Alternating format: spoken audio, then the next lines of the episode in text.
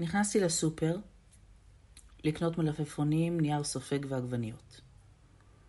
ילד קטן, עם קורקינט קטן וראש גדול, נסע במהירות לכיווני ונתקע בי.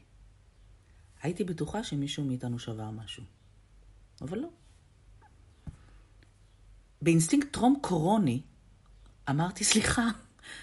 אני תמיד אומרת סליחה כשנתקעים בי. והושטתי את כף ידי לגעת בראש הגדול של הילד הקטן בעדינות.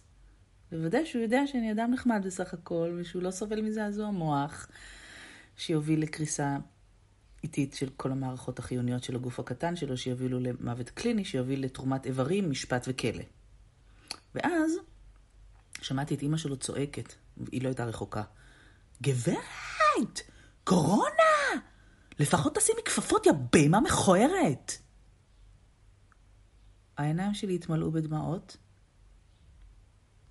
דמעות כאלה שכואבות ב... במאחורי קלעים של העיניים.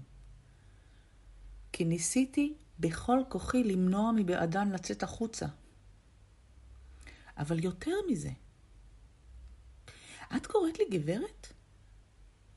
את רצינית? מילא בהמה, אבל גברת? רציתי ללכת אליה ולילד שלה, לחבק אותם חזק, חזק, ולבקש סליחה, ושכולנו נשלים, ונהיה חברות טובות, כמו משפחה. רציתי למנוע את העובדה שהיא תשב היום בארוחת ערב ותספר לבעלה ולילדים על הפוסטמה, אה, סליחה, הבהמה המכוערת שכמעט וליטפה את הבן שלה. כשיצאתי מהסופר עוד הייתה לי תקווה שאולי, אולי, אלוהים, פליז, אני אראה את האם והילד, ואוכל לחייך אליהם מבעד למסכה, ובתנועת יד היא תסימן לי שהכל בסדר. ואני אדלג לי אל מחוץ לסופר ואחווה גאולה. זה כמובן לא קרה. במקום זה, כשיצאתי מפתח הסופר, חתכה אותי בחורה צעירה מאוד ודקה מאוד, עם קורקינט, קורקינט חשמלי משוכלל מאוד.